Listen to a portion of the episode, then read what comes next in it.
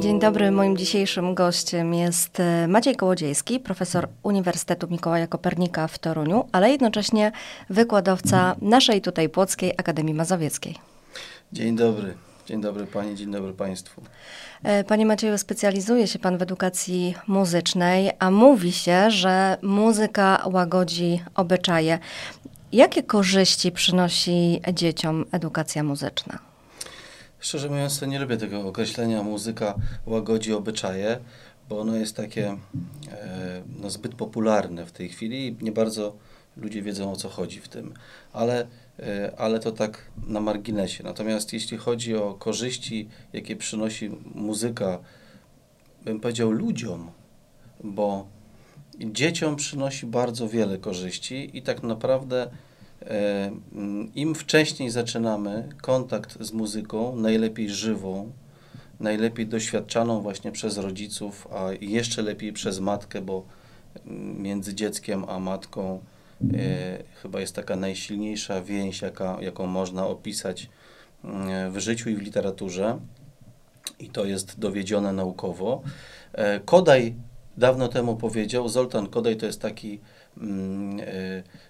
człowiek, który mm, wymyślił koncepcję takiego powszechnego wychowania muzycznego na Węgrzech. E, no, można powiedzieć, że dawno temu, chociaż w literaturze czasami się spotykam, że to jest współczesna koncepcja. Ona nie jest współczesna. Zoltan Kodaj powiedział, że najlepiej edukację dziecka rozpocząć na 9 miesięcy przed urodzeniem jego matki. Więc już tutaj. Musiałam się zastanowić przez chwilę. Wiem, wszyscy liczą. Wszyscy liczą. I to jest chyba odpowiedź na to pytanie, bo to jest uwarunkowane kulturowo i także, i także genetycznie, tak naprawdę także urodzeniowo, w jakiej rodzinie, w jakiej rodzinie urodzimy się, to czy mamy szansę na to, żeby rozwijać swoje zdolności muzyczne. I tutaj dochodzę do takiego bardzo ogólnie, bo jest tak dużo rzeczy, że, że trudno mi się skupić na jakimś jednym wątku. Dochodzę do pewnego pojęcia uzdolnienie muzyczne, czyli zespół pewnych zdolności muzycznych, które można powiedzieć gwarantują nam e, bądź determinują nasz rozwój muzyczny. Zatem jeśli znajdziemy się w tym właśnie sprzyjającym środowisku, gdzie ta matka dawno temu już się urodziła i ona już pobierała z tej kultury muzykę w różnych jej wymiarach. To znaczy na przykład jej rodzice śpiewali, grali na instrumentach, dochodziło do, do pewnych takich, nie wiem, spotkań rodzinnych, w którym to muzykowanie domowe, rodzinne mm, przebiegało, myślę, że to jest bardzo istotne, bo dziecko jakby absorbuje kulturę. Od dzieciństwa osłuchuje się z tą Tak, muzyką. osłuchuje się. To jest, to jest takie dobre słowo na to, żeby, żeby sobie wyobrazić. Osłuchuje się, bo słuchanie jest pierwszym takim e, językiem, bym powiedział, który, który człowiek może opanować w związku generalnie w ogóle z kulturą, nie tylko z kulturą muzyczną.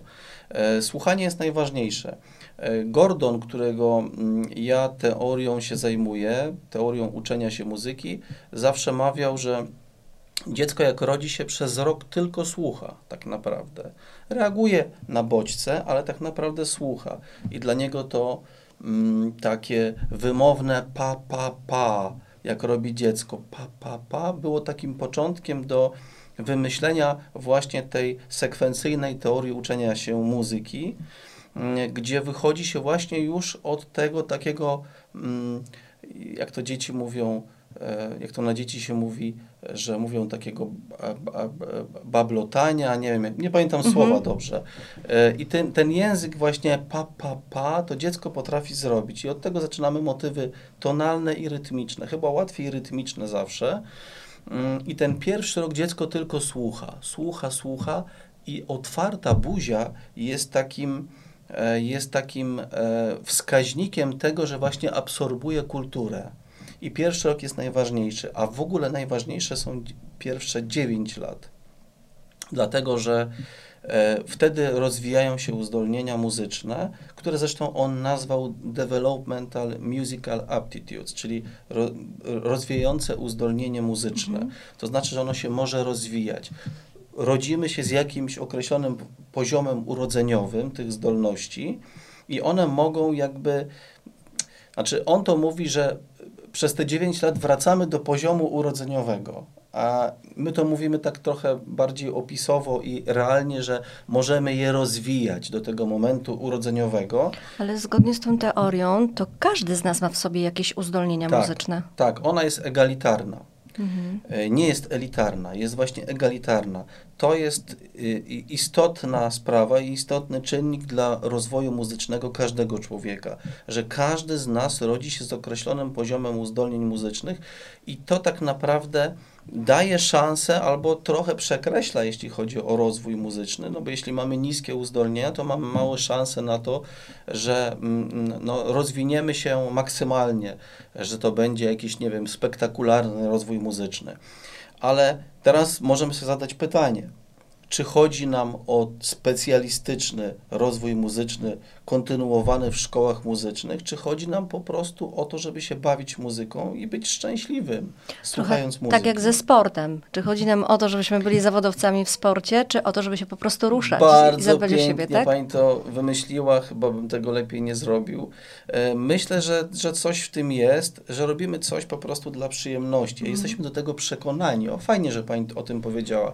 Bo jeśli właśnie nie jesteśmy przekonani do edukacji muzycznej, w ogóle do muzyki, dla nas muzyka jest nieważna, to my kontynuujemy tę myśl dalej, na przykład jeśli jesteśmy nauczycielami bądź instruktorami gdzieś, no, co, czymkolwiek zajmujemy się związanym z edukacją, to my później mm, nie mamy przekonania do tego, że edukacja muzyczna jest ważna, więc ją zwyczajnie omijamy. Mhm. A po co tak się muzyka? dzieje w szkołach podstawowych chyba, tak? Że te lekcje muzyki są jednak jakoś tak, mam wrażenie, traktowane jako mniej ważne od y, nauki języka polskiego czy matematyki, a przecież ta muzyka gra nam w duszy tak naprawdę od y, dawna. Porównajmy sobie ludy pierwotne, jak tańczyły wokół ogniska, to przecież nikt ich tam tego tańca, tej muzyki nie uczył tylko oni to po prostu tak czuli. Oczywiście, starożytność, średniowiecze, przecież mamy, mm, e, mamy sztuki wyzwolone e, w historii muzyki e, i, i, i, tam w tych sztukach wyzwolonych zawsze jest muzyka, muzyka, retoryka i matematyka. Ja kiedyś takie badania robiłem na temat związku mm, uzdolnień muzycznych i uzdolnień matematycznych i wyszły nawet bardzo przyjemne mm, korelacje statystyczne. Okazało się, że uczniowie, e, którzy mają e, specjalne zainteresowania matematyczne i uzdolnienia matematyczne, mieli także wyższe niż pozostała część populacji uzdolnienia muzyczne. To jest bardzo ciekawe. E, no, moja żona na przykład mm, częściowo, częściowo uczyła się przez kilka lat na Politechnice I ona właśnie mówi, że jak słucha sobie tych testów muzycznych, których ja mam bardzo dużo w domu, testów zdolności, testów osiągnięć muzycznych, testów gotowości do improwizacji, to on mówi, że sobie wyobraża taką właśnie amplitudę, czyli sobie tak myśli, bym powiedział, politechnicznie i matematycznie, a wcale nie muzycznie. Być może jest tam ten związek, ale wracam do tego, o czym pani powiedziała przed chwilą, bo to jest interesujący temat o tym, o tym traktowaniu muzyki e, tak źle. Otóż to się stało za jednej pani minister, niestety ona już nie żyje, mm, ale ona kiedyś nazwała właśnie w Sejmie muzykę Michałkami, muzykę i plastykę. Mhm. E, I od tego właściwie się zaczęło. Proszę zauważyć, że w niektórych krajach edukacja muzyczna jest jedną z ważniejszych edukacji na początku, mm, czy na pierwszym etapie edukacyjnym, czy jeszcze wcześniej w, w wychowaniu przedszkolnym. To jest jedna z ważniejszych edukacji muzyczna, plastyczna, teatralna, czyli u nas, mówiąc językiem teorii wychowania e, estetycznego, należy właśnie do tej grupy e, takich obszarów estetycznych, które są bardzo ważne właśnie w rozwoju e, człowieka.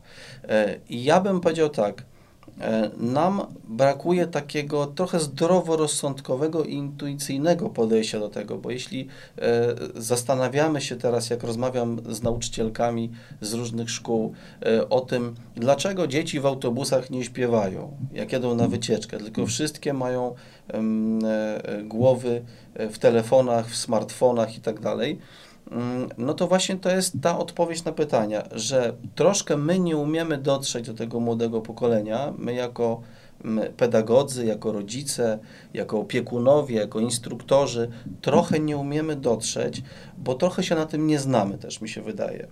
I, i nie, nie mówimy wspólnym językiem, ale kiedyś mi też powiedziała moja studentka, przepraszam, nie studentka,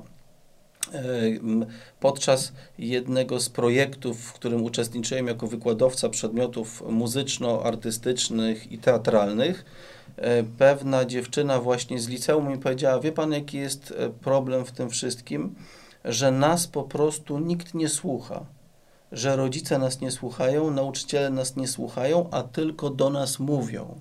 I myślę, że tu jest problem. Mhm. My wychodzimy z tej pozycji takiego, no nie chcę nazywać to autorytetu, ale chcemy być autorytetem i wychodzimy z tej górnej półki, z tej górnej pozycji i chcemy nauczać i wychowywać.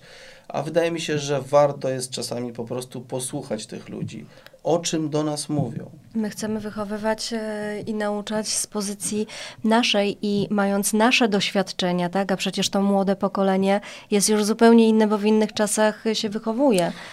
Oczywiście, że tak. E, mm, e, nie wiem, czy pani zna taką książkę The Art of Teaching. Napisał to mm, facet, który, o ile sobie przypominam dobrze nazwisko, Tim Lautenheiser.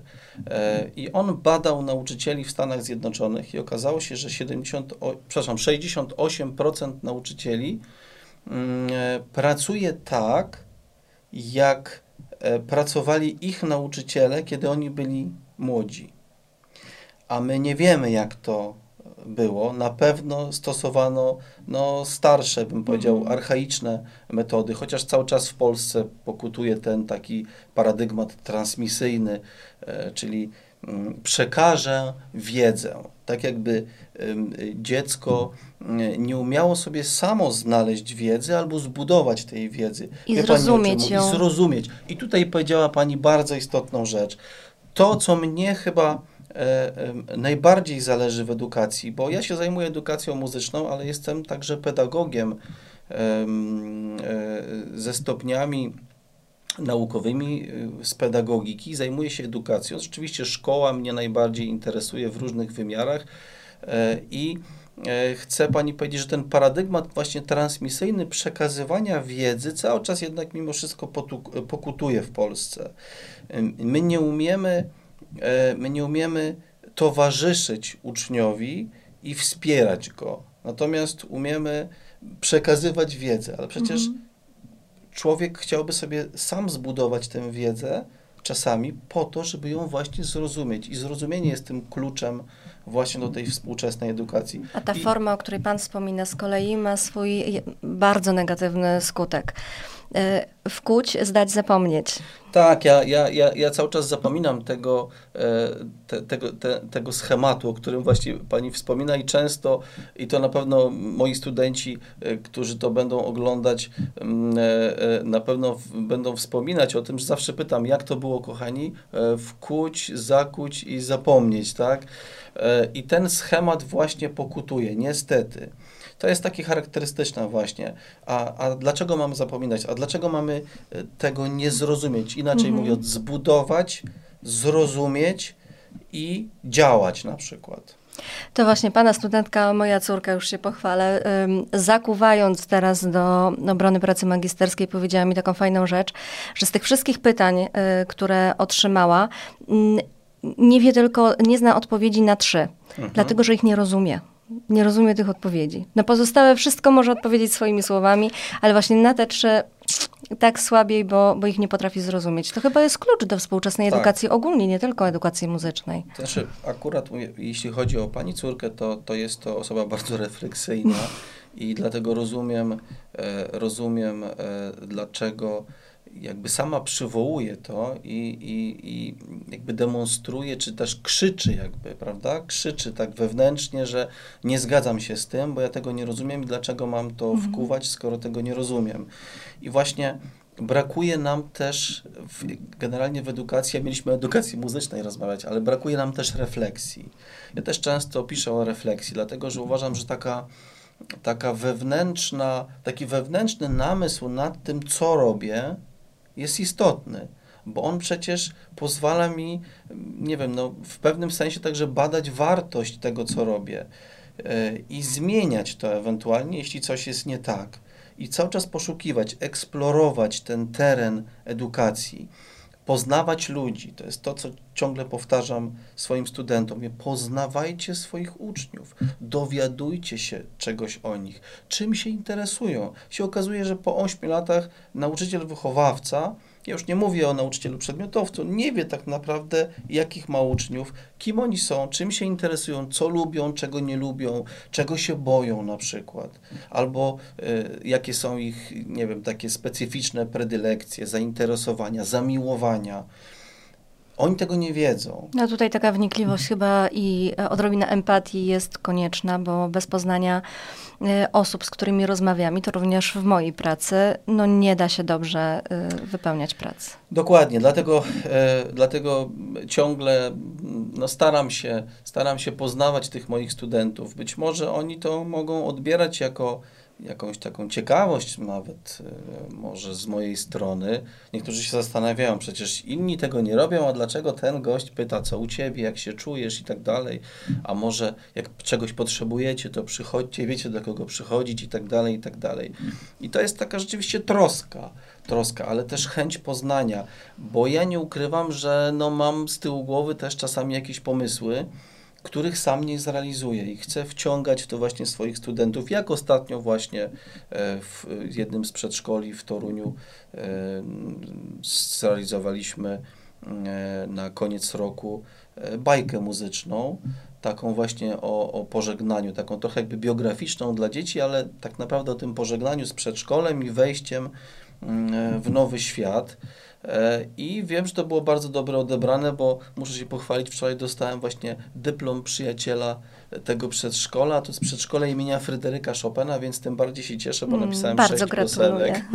Dzięki, bo taka radość inna, nie taka nagroda finansowa, rzeczowa, mm. to jest taka właśnie nagroda za właśnie za zrozumienie, za empatię i za taką chęć chyba niesienia radości tym dzieciakom, bo im się to podobało, tam gdzieś wplotłem rap nawet więc e, wiem, że to się podobało, bo na mhm. koniec właśnie studentki moje miały rapować z dzieciakami, dzieciaki i dzieciaki właśnie e, chwyciły ten pomysł. No w obliczu trwającego, właśnie właściwie rozpoczynającego się już jutro u nas festiwalu Polish Hip Hop, to świetny akcent. Wróćmy jeszcze na chwilkę do tej muzyki jednak, bo w powszechnym takim mniemaniu jest, że to muzyka klasyczna bardziej rozwija, wycisza i uspokaja. Czy to tak faktycznie jest, że ta muzyka klasyczna, a może niekoniecznie. Te inne gatunki, czy te inne gatunki muzyczne również wpływają na nas, na nasz rozwój? Znaczy powiem Pani tak. Mm, tutaj oczywiście mamy wiele różnych badań. Generalnie na przykład w edukacji wczesnoszkolnej, kiedyś przeprowadzałem badania na studentkach edukacji wczesnoszkolnej w kontekście ich znajomości właśnie tych dzieł muzyki klasycznej, no i to była opłakana wiedza niestety.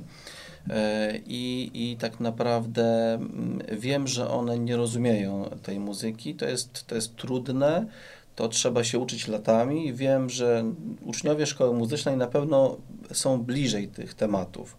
Ale to nie jest, wydaje mi się, problem w tym, czy to jest muzyka klasyczna, czy też poważna, czy też artystyczna, bo ja wymieniam trzy równoprawne nazwy funkcjonujące na świecie bo jest y, art music, serious music i classical music. Tak naprawdę funkcjonuje w literaturze anglojęzycznej na całym świecie, więc mówimy muzyka klasyczna e, i, i, i sobie myślimy coś trudnego, coś niedostępnego, niezrozumiałego. I mhm. proszę zwrócić uwagę, że znowu wracamy na pole rozumienia, mm. tak?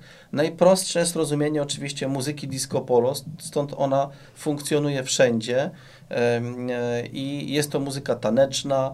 Kiedyś była nazywana chodnikową. Dlaczego była chodnikowa? Właśnie, że była prosta, rytmiczna i miała służyć tak naprawdę no, takim no, wymiarom ludycznym, zabawowym. Mieliśmy się bawić po prostu przy tym. E, wiem, że część ludzi słucha tej muzyki. Nie chcę tutaj teraz się jakby mądrzyć i, i mówić, czy ona jest zła, czy jest niedobra, ale jest prosta. Dlatego, że jest prosta, jest po prostu słuchana z, przez bardzo wiele osób. E, I teraz tak, mamy przecież różne gatunki muzyki, czy też style, bo to też w literaturze różnie jest pojmowane. Niektórzy mylą styl z gatunkiem, z formą e, muzyczną i tak dalej. E, muzyka, kiedyś były takie badania w ogóle nad efektem Mozarta. Nie wiem, czy pani o tym słyszała. Mhm. W Stanach Zjednoczonych no, takie badania przeprowadzono, podzielono przed, no załóżmy takim, tutaj powiem obrazowo, przed takim no, testem klas, y, przed egzaminem klas ósmych podzielono na przykład w jednej szkole 150 mm, uczniów na trzy grupy. Mm, to, to była randomizacja, oczywiście taki statystyczny e, podział mm, i e, jedna pięćdziesiątka 20 minut przed tym egzaminem słuchała muzyki Mozarta, druga pięćdziesiątka słuchała muzyki Filipa Glassa. Niedawno Filip Glass zmarł. Mhm. I trzecia grupa, trzecia pięćdziesiątka niczego nie słuchała. Potem nastąpił po 20 minutach ten egzamin i za jakiś czas przyszły wyniki. Okazało się, że najlepiej napisała grupa, która właśnie słuchała Mozarta, trochę gorzej Filipa Glassa i najgorzej ci, którzy nie słuchali tej muzyki. Wie pani, co się działo w Stanach? Nawet sprzedawano płyty z muzyką e, Mozarta, z muzyką klasyczną, bo ona mm, e, na jakiś czas jakby zwiększała nasze możliwości poznawcze. E, I w związku z tym ogłoszono, że Mozart w ogóle leczy, Mozart pobudza, Mozart, mm. Mozart robi z człowieka kogoś geniusza. nadzwyczajnego i tak, geniusza. No i później oczywiście przeprowadzono kolejne badania mm, i Amerykanie, i Niemcy. No i okazało się, że to była jakaś taka przypadkowa sprawa. I John Sloboda pisał, amerykański psycholog muzyki, pisał o tym, że tak naprawdę każda muzyka, którą lubimy, cenimy i słuchamy, może wyrównać ciśnienie krwi, może wyrównać nasz puls i doprowadzić do tego, że po prostu jesteśmy jakby tak terapeutycznie przygotowani do jakichś ważnych momentów w naszym życiu, czy stresujących, typu egzamin, rozmowa kwalifikacyjna.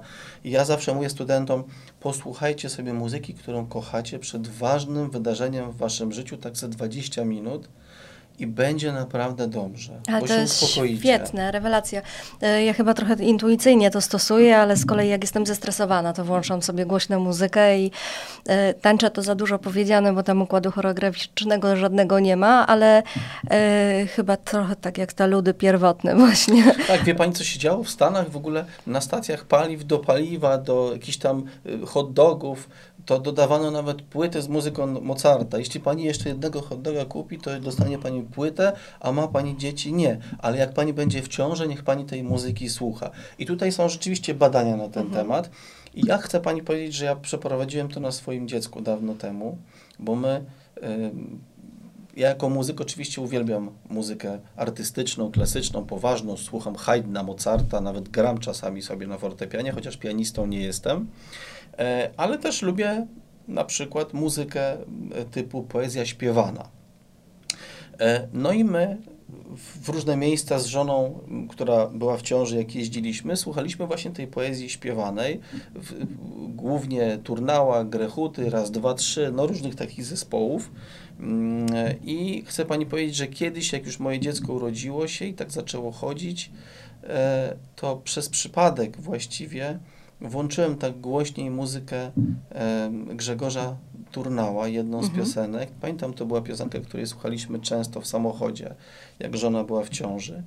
I moje dziecko zamarło na kilkadziesiąt sekund, otworzyło buzię i nie, nie wiedziałem, co się dzieje. Dopiero sobie później uświadomiłem, że ono sobie przypomniało właśnie tę no tak, muzykę bo dziecko z okresu przecież. prenatalnego. Mm. Tak, bo dziecko słyszy chyba po 11 tygodniu, o ile mm. sobie e, dobrze przypominam, wykształca się słuch. Nawet kiedyś były takie badania, że kobietom w ciąży przykładano takie małe głośniczki, żeby dzieci słuchały, ale one się bardzo źle skończyły. E, okazało się, e, że, że tam e, jest tak duży hałas, żyły, krew, perystaltyka jelit, że jeszcze jak dołożono muzykę, niektóre dzieci rodziły się po prostu głuche. Oj. E, więc to, to wycofano się z tych badań. Wystarczy ten, to środowisko, które jest na e, zewnątrz, które jest na zewnątrz Mhm. wystarczające jest, bo dziecko po prostu to słyszy. To o tym, że muzyka jest potrzebna w naszym życiu, to już chyba przekonaliśmy wszystkich e, naszych Starałem e, się. e, widzów, słuchaczy i czytelników. Natomiast co zrobić, żeby jednak tę młodzież, e, która siedzi z nosem mm, albo w komputerze, albo w komórce, żeby jednak przekonać się do tego, że muzyka jest istotna, e, jest e, ważna i potrzebna. W domu czy w szkole? I tu, i tu. I tu, i tu. W domu słuchać muzyki, śpiewać, organizować czas trochę z muzyką. Myślę, że zachowywać się zupełnie naturalnie, ale, ale no, nie da się żyć bez muzyki tak naprawdę, bo kiedy to pytanie zadaję ludziom, którzy nawet są y, stanowczymi oponentami wobec muzyki klasycznej, artystycznej, jazzowej, bo jej zupełnie nie rozumieją, e, właśnie to zawsze zadaję to pytanie. Czy mógłbyś, mogłabyś żyć bez muzyki? Nie. Ja mówię, to już jest pierwszy krok do tego, żebym wyszedł od tego, co Ciebie interesuje, a później powoli, spokojnie, procesualnie tak działał i poszerzał to, to spektrum zainteresowania muzyką. Ale my mamy prawo słuchać muzyki takiej, jaką, jaką chcemy, na jaką mamy ochotę. I wie Pani, powiem Pani tak, może to, może nie powinienem się do tego przyznawać, ale czasami, mm, czasami mam taki nastrój, że szukam muzyki takiej, żeby sobie jeszcze dowalić troszkę i nawet popłakać. Mhm. Bo te takie reakcje behawioralne to są generalnie naturalne. One powinny być. jest jak katarzis, oczyszczenie. Tak, my powinniśmy Mhm. nawet chcieć jakby w końcu usłyszeć taką muzykę, której, po której dostaniemy właśnie Ciary. Tych, tak, te ciary, takie dreszcze, ten podniesiony włos na, na ręku, no nie mówię już na głowie, bo u mnie jest trudno, ale na pewno na, na ręku. I ja powiem Pani, że już ponad 10 lat nie przeżyłem czegoś takiego, że słuchając muzyki do, dostałem właśnie, Mhm. nie wiem jak się mówi, ci- ciarek? No, ciar, Ciarków. ciar, ciar. Chyba tak. E, I chciałbym to przeżyć. A jeśli chodzi o szkołę, to zawsze mówię swoim studentom: edukacja muzyczna to jest ciężka robota i ciężka charówka. Tu nie można być leniwym. Czyli nie można tylko włączyć muzyczki i sobie posłuchajcie, bo to do niczego nie prowadzi. Bo to zrozumienie idzie kilkoma drogami. Jest taka pani, się nazywa Batia Strauss. Ona wymyśliła aktywne słuchanie muzyki i tę metodykę mm, aktywnego słuchania muzyki, na przykład poprzez e, e, rysowanie i malowanie podczas słuchania muzyki. I wtedy możemy włączać muzykę nawet bardzo trudną, bo to dzieciom nie przeszkadza. Albo podczas ruchu. Ja uwielbiam ten, ten, tę metodykę podczas ruchu. Teraz właśnie studentki swoje męczyłem e, taką koncepcją ruchu kreatywnego Johna Firebenda. To jest taka amerykańska koncepcja, kiedy wymyślamy sobie e, e, różne, e, różny ruch, e, i wymyślamy sobie mm, różne mm, taką ilustrację ruchową do muzycznych e, właśnie tematów, do tego, co się dzieje w muzyce, do tych elementów muzyki, do rytmu, do melodii. Jak melodia idzie w górę, to na przykład ręce idą w górę, jak w dół, to kucamy. Czyli przy tym jakby jeszcze mamy dużo takiej no, spalania po prostu kalorii też. też, A, dodatkowo. I oprócz takich, Mhm. e, oprócz tego, bo jak pani powiedziała o tym sporcie, więc to mi No. się e, E, skojarzyło. Tak, tak powiedziałam o sporcie, dlatego że u mnie muzyka jest obowiązkowa. Jak ćwiczę na orbitreku, czy jak chodzę na moje długie spacery, to zawsze muzyka musi być w e, słuchawkach brzmieć i to najlepiej dynamiczna, bo dodaje wtedy. No ja sie- energii. 7-8 kilometrów staram się codziennie chodzić. Zakładam słuchawki Podziwiam. i czasami chcę pani powiedzieć, że właśnie staram się iść w rytm. W rytm znaczy ja nie umiem inaczej. Chyba dlatego, że po prostu jestem muzykiem. Mhm. Już jestem tak skonstruowany i tak nauczony, że po prostu idę w rytmie, więc czasami mówię, oj, za szybko. Więc szukam sobie czegoś innego, ale te piosenki e, no, no są różne. Od turnała do raz, dwa, trzy, czasami nawet kombi, mój ulubiony zespół e, z dzieciństwa i z młodości, a czasami sobie włączam Haydna, na przykład koncert fortepianowy, bo przy tym mi się dobrze idzie przy pierwszej części, przy drugiej części już Mhm. jest trochę za wolno, bo bym musiał raczej tak mega Dreptać. zwolnić, tak, dreptać. Mhm. Bardzo dziękuję panu za rozmowę. Myślę, że już wszystkich przekonaliśmy do tego, jak muzyka jest ważna. Zachęciliśmy, żeby tej E, ta muzyka była obecna w naszym życiu na co dzień. E, moim gościem był doktor Dziękuję. habilitowany Maciej Kołodziejski. Dziękuję serdecznie.